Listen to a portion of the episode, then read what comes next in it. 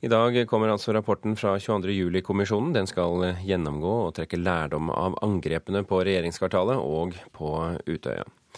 Men eh, mange av eh, kildene er eh, mange av kildene kommisjonen har snakket med, er anonyme i denne rapporten. Og Arne Jensen, assisterende generalsekretær i Den norske redaktørforening, hva syns du om at kommisjonen bruker hemmelige kilder? Jeg syns det er vanskelig fordi eh, dette dreier seg om en rapport som en hel nasjon venter på. Eh, den må ha eh, tillit og troverdighet. De konklusjonene som kommer fram der, må vi kunne stole på. Og vi må kunne stole på at kommisjonen har snakket med og undersøkt hos de kildene som er relevante. Eh, Betyr det at du ikke stoler på denne rapporten? Nei, det, det har jeg ikke sagt. Men det er, et, det er, et, helt avgjørende eh, moment for at vi skal kunne gå videre, og for at vi skal kunne si at denne rapporten ga oss svar, at vi også kjenner underlaget for de konklusjonene som trekkes. og Det innebærer også at vi må vite, eh, etter mitt syn, hvem det er kommisjonen har snakket med, hvilke kilder man bygger på. Da er det uheldig, tror jeg, at, at en hel rekke kilder da skal være, være hemmelige. Maren Malte Sørensen, bystyrerepresentant i Oslo for Høyre og tidligere havariinspektør. Du har snakket med mange kilder etter alvorlige hendelser. Mener du at anonymisering er helt nødvendig i tilfeller som dette? Ja, det er jo akkurat det jeg gjør. fordi at min erfaring er at anonymitet er en forutsetning for å få detaljert og sensitiv informasjon. Så det betyr at um, når Arne Jensen ønsker um, tillit og troverdighet til rapporten, så ønsker jeg også at rapporten skal være komplett. Og jeg tror, jeg er ganske sikker på, at den rapporten ville ikke bli komplett hvis um, en del av kildene ikke fikk lov til å være anonyme, som de har fått lov til. Hva synes du om at uh, kommisjonen holder hemmelig hvem de har snakket med? Nei, Jeg uh, syns det er uh, greit at de holder en del av navnene hemmelig. Nå skal det jo være sagt at mange av navnene allerede er offentliggjort. Eh, slik at det er bare noen som eh, ikke er offentliggjort. Og disse personene er kanskje noen av de som sitter på den mest interessante informasjonen, og som i størst grad kanskje frykter konsekvenser av det de uttaler seg om. Sånn at hvis de ikke hadde fått eh, være anonyme, så ville de ikke sagt det. Derfor så mener jeg at det er helt essensielt at de får lov til å være anonyme, sånn at de kommer med informasjon sånn at denne kommisjonen kan få det komplette bildet, og dermed skape en eh, trygghet, tillit og troverdighet som Arne Jensen ønsker seg. Jeg har ingen vanskeligheter med å se at kommisjonen har vært i et eh, dilemma, men det som er beklagelig, det er hvis det blir slik at eh, for det første, man lurer på hva kommisjonen egentlig bygger på, på vesentlige punkter. Og for det andre, at man bygger opp under en, en kultur hvor eh, offentlige ansatte som uttaler seg, enten det er til eh, kommisjoner, undersøkelseskommisjoner eller på, på, annet vis, at de risikerer eh, represalier eh, for det. Og i, i, i, i eh, den kongelige resolusjonen eh, så, så, står det helt klart at lojalitet i forhold til egen arbeidsgiver må vike til fordel for behovet for å få klarlagt de faktiske forhold. Men vi vet jo at eh, det er, eh, det er, mange offentlige ansatte som har opplevd det som eh, ubehagelig. Så jeg ser at det er et dilemma, men jeg tror ikke at man skal gå den veien i, i, i, en sånn rapport. Men Arne Jensen, vi journalister vi er jo veldig opptatt av kildevernet, og vi holder jo våre kilder skjulte hele tiden. Hvorfor skal ikke kommisjonen kunne gjøre det samme? Ja, Nå ga du bare en delvis riktig beskrivelse av journalisters forhold til kilder. For hovedregelen i Vær varsom-plakaten det er at kildene, pressens kilder, eller medienes kilder, de skal ikke anonymiseres, de skal tvert imot identifiseres. Og det er bare i unntakstilfeller eh, at man, skal, at man skal gi kildevern og opprettholde det. Men poenget er at det er forskjell på en regjeringsoppnevnt kommisjon som skal avlevere en offentlig, offisiell rapport, og det arbeidet som pressen gjør. Vi har to forskjellige funksjoner, heldigvis, og dermed jobber vi også litt forskjellig.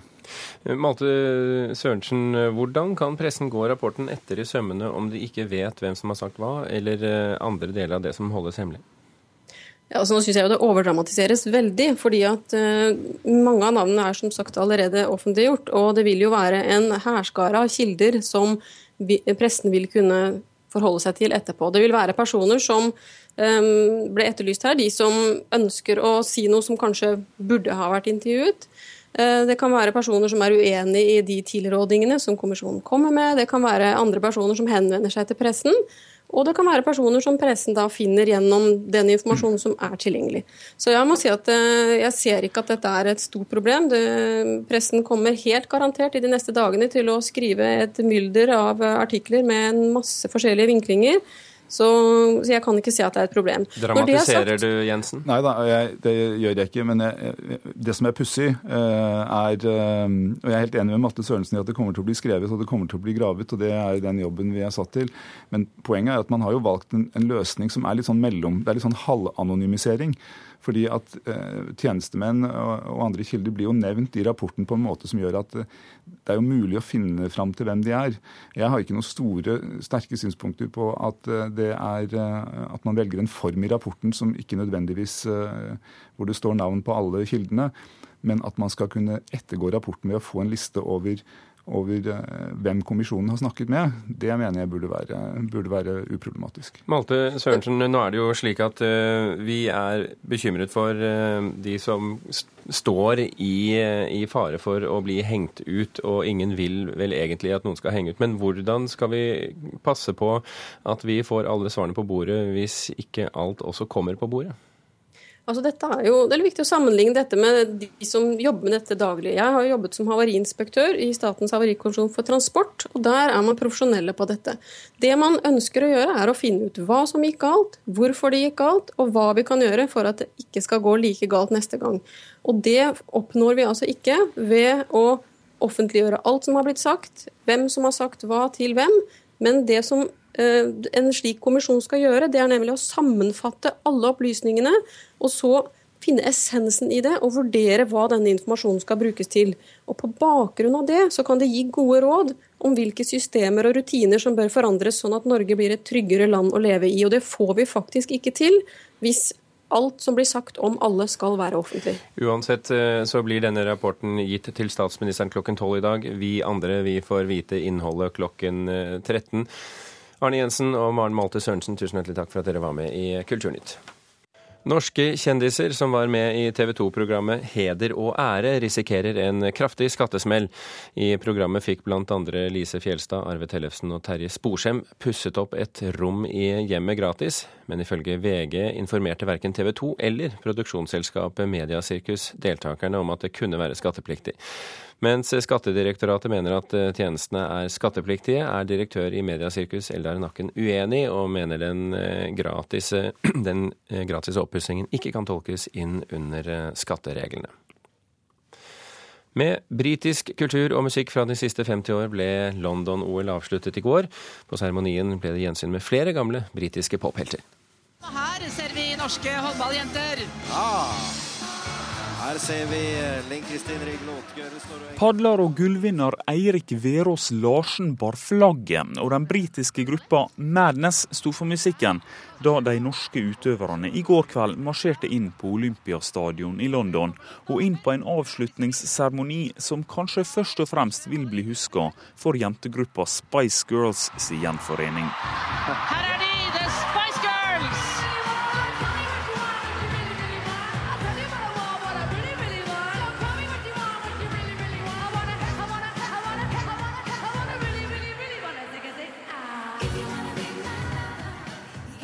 I hver si klassiske London-drosje kom Emma Bunton, Gary Halliwell, Melanie B, Melanie C og Victoria Beckham kjørende inn, før de satte i gang låta 'Wannabe', debutsingelen fra 1996.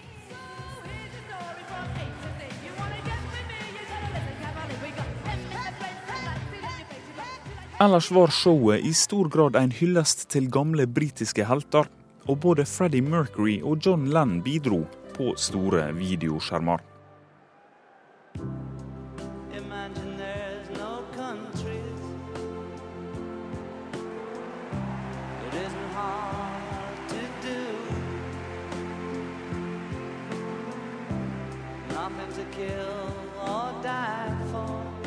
Mens gamle storheter som George Michael, The Who, Annie Lennox og Ray Davis fra The Kinks begeistra de over 80 000 tilhørende og millioner av TV-seere med framføringer av sine gamle hits.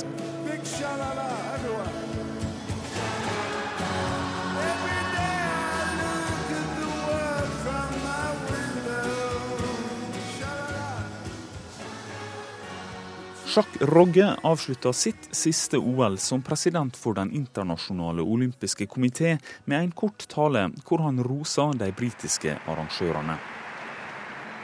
You, the spectators and the public, provided the soundtrack for these games. Your enthusiastic cheers energized the competitors and brought a festive spirit to every Olympic venue.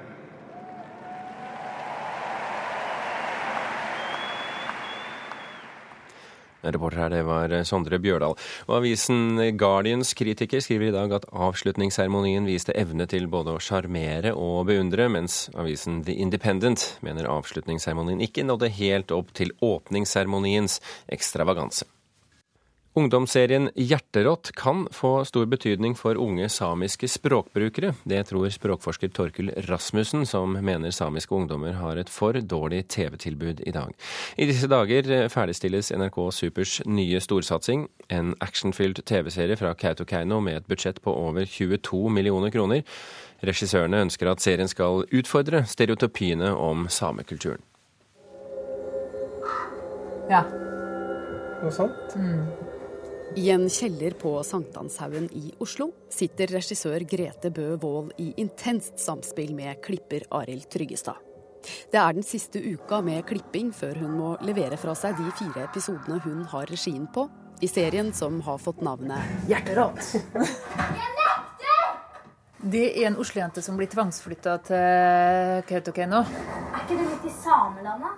Gjennom hun og i møte med en samisk gutt så må de løse store mysterier sammen.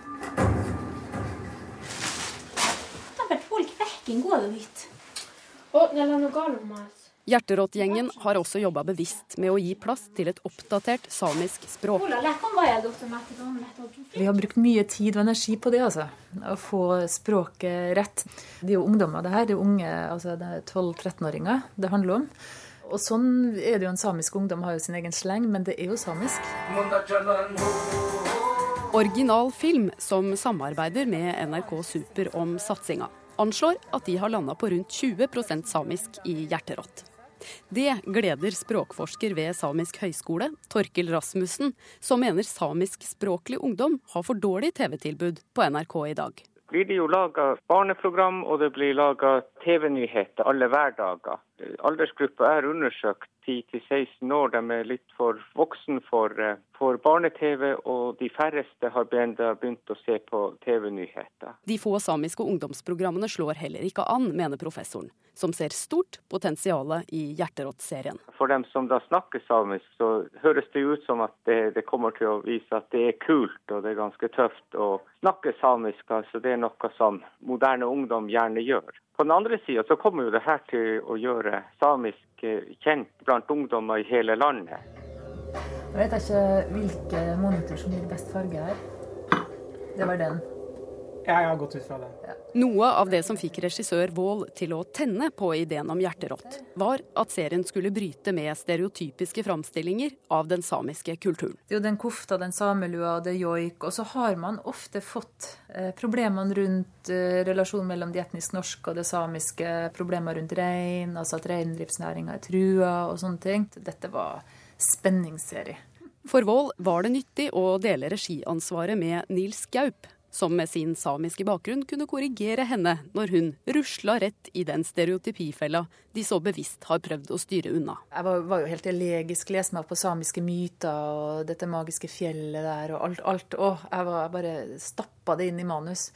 Og da leste jo Nils, og han er jo en veldig nøktern mann, og sa at um, Grete, uh, det ble litt samekitsch.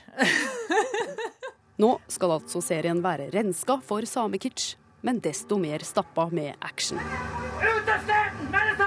Regissøren vil ikke si mer om mysteriet Oslo-jenta og Kautokeino-gutten havner midt i, enn at det blir nervepirrende, og at alt du tror du vet noe om, viser seg å være noe annet. Serien skal sendes på NRK i 2013.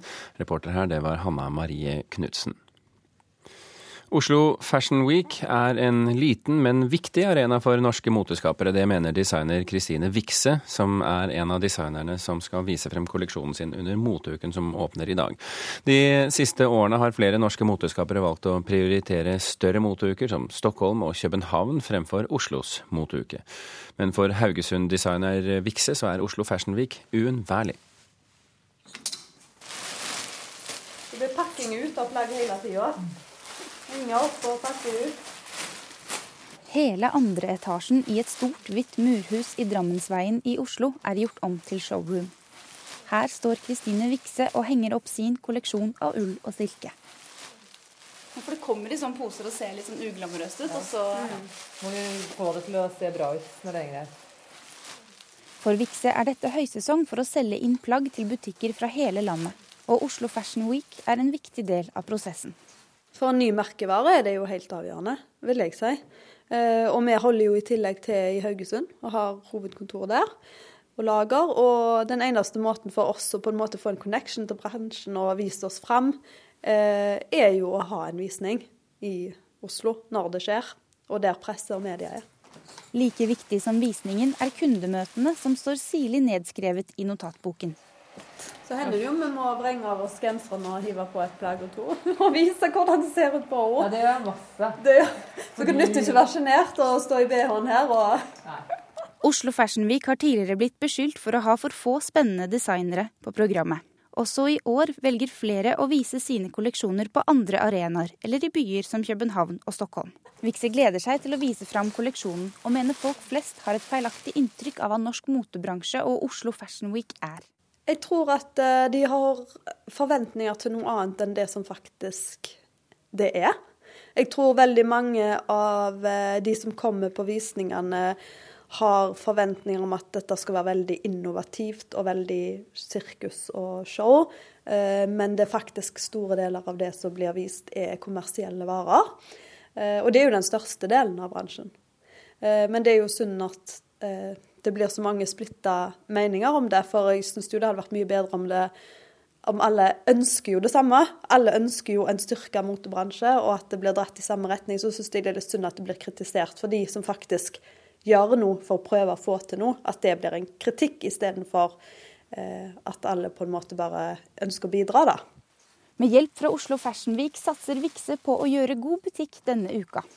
Med kunder fra hele landet er det svært forskjellig hva de ulike butikkene tar inn etter at de har vært på visningen og på showrommet og sett. Men det jeg syns de er blitt veldig flinke med i Norge, er å, å, ta inn litt spesielle produkter, uavhengig av hvor de holder til og hva type butikk det er. Så de som driver butikk, det går mer på hvor interesserte de egentlig er i faget sitt, etter hva de tar inn. Men eh, vi har alt fra sånn gaveinteriørbutikker til high fashion-butikker. Eh, så det er litt forskjellig, og det ser jeg på kollisjonen her òg, at de kommer nok til å plukke veldig forskjellig i forhold til hva type butikk de har. Det sa designer Kristine Vikse til reporter Ina Charlotte Fjellhøy. Og så kan vi ta med at de fleste norske designere prøver å få gratis og billige modeller til moteshowene sine, noe som gjør det vanskelig å leve av modellyrket i Norge. Det hevder Eivor Øvrebø, som driver modellbyrået Team Models til Dagbladet i dag. Suksessfirmaet Moods of Norway skal være ett av firmaene som i flere år har bedt modeller stille gratis på catwalken. Øvrebø mener at nettopp et så stort og lønnsomt selskap burde gå foran som et godt eksempel. Sponsor og eventsjef i Moods, Markus Håkonsen, sier derimot til avisen at han ikke kjenner seg igjen i dette utspillet. Flere tiår før Oran Pamuk fikk nobelprisen i litteratur, og mange år før bøker som Svart bok og Mitt navn er Karmosin dukket opp på norsk, så skrev den unge tyrkiske forfatteren romanen Herr Cevdet og sønnene hans. Vår kritiker Marta Norheim har lest debutromanen til Oran Pamuk med det uunngåelige spørsmålet i bakhodet. Holder den unge Pamuk mål, eller kommer denne boken ut på norsk rett og slett fordi forfatteren har skrevet så mange gode bøker etterpå? Jeg merka ganske fort at det var noe rart med denne boka, men eh, det tok litt tid før jeg slo opp og fant ut at romanen ble skreven på 70-tallet og utgitt i 1982. Dette rare, som altså skiller debutanten ifra den forfatteren jeg kjenner fra før, det skal jeg komme tilbake til. Herr Jevdet og sønnen hans er ei 700 sider lang slektskrønike som starta i 1905, da den 37 år gamle oppkomlingen Jevdet inngår en strategisk ekteskapsallianse med dattera til en pasha. Allerede før forlovinga er formelt på plass, har han slått opp skiltet Herr Jevdet og sønner over døra til det blomstrende handelshuset sitt, og fru Nigan leverer. I tillegg til sosial status får Cevdet to sønner som går inn i familiefirmaet. Så langt, så godt, men tyrkisk historie tillater ikke at familiekrøniker kan rulle framover uten hindringer. Sultanatet er i ferd med å miste grepet, ungtyrkerne er klare til å ta over, det tradisjonelle livet som Jevdet eh, lever, står for fall allerede idet han etablerer familien sin. Når krøniken enda tidlig på 70-tallet med barnebarnet til herr Cevdet ser både familielivet og det tyrkiske samfunnet ganske annerledes ut. Uten å være nostalgisk fins det likevel en tydelig melankoli over alt som er gått tapt. Pamuklet det gamle og det nye lever side om side og gjerne i én og samme person. Dermed blir disse personene spenningsfylte og interessante, selv om de helt klart er skapt for å representere ulike sider ved det tyrkiske samfunnet, og ikke er meint som unike enkeltindivid. Det er et Tyrkia i endring som er hovedpersonen i denne romanen. Og romanen er faktisk så tyrkisk at 30-tallet er mer dominert av Mustafa Kemals død enn av den kommende verdenskrigen. Det er rart for en norsk leser. Også skrivemåten er rar. Fortelleren gjør stadige svippturer inn i tankene til personene gjennom at de mumler eller småsnakker til seg sjøl. Denne utleverende mumlinga gir romanen et kantete og gammeldags preg. Eh, den seinere Pamuk er mer elegant og har også ei finere hand på persontegninger. Det er likevel ingen tvil om at herr Jevdet og sønnene hans holder mål, og det med god margin. At den til tider er både morsom og lærerik, er heller inga ulempe. Det sa vår litteraturanmelder eh, Marta Noreheim. Dermed runder Kulturnytt av. I dag har du hørt at Arne Jensen, assisterende generalsekretær i Den norske redaktørforening, mener det er problematisk at flere kilder i 22. juli-rapporten er anonyme det er et helt avgjørende eh, moment for at vi skal kunne gå videre, og for at vi skal kunne si at denne rapporten ga oss svar, at vi også kjenner underlaget for de konklusjonene som trekkes. Produsent i dag det var Andrea Kvamme Hagen. Teknisk ansvarlig var Frode Thorshaug. Og her i studio Birger Kolsrud Jåsund.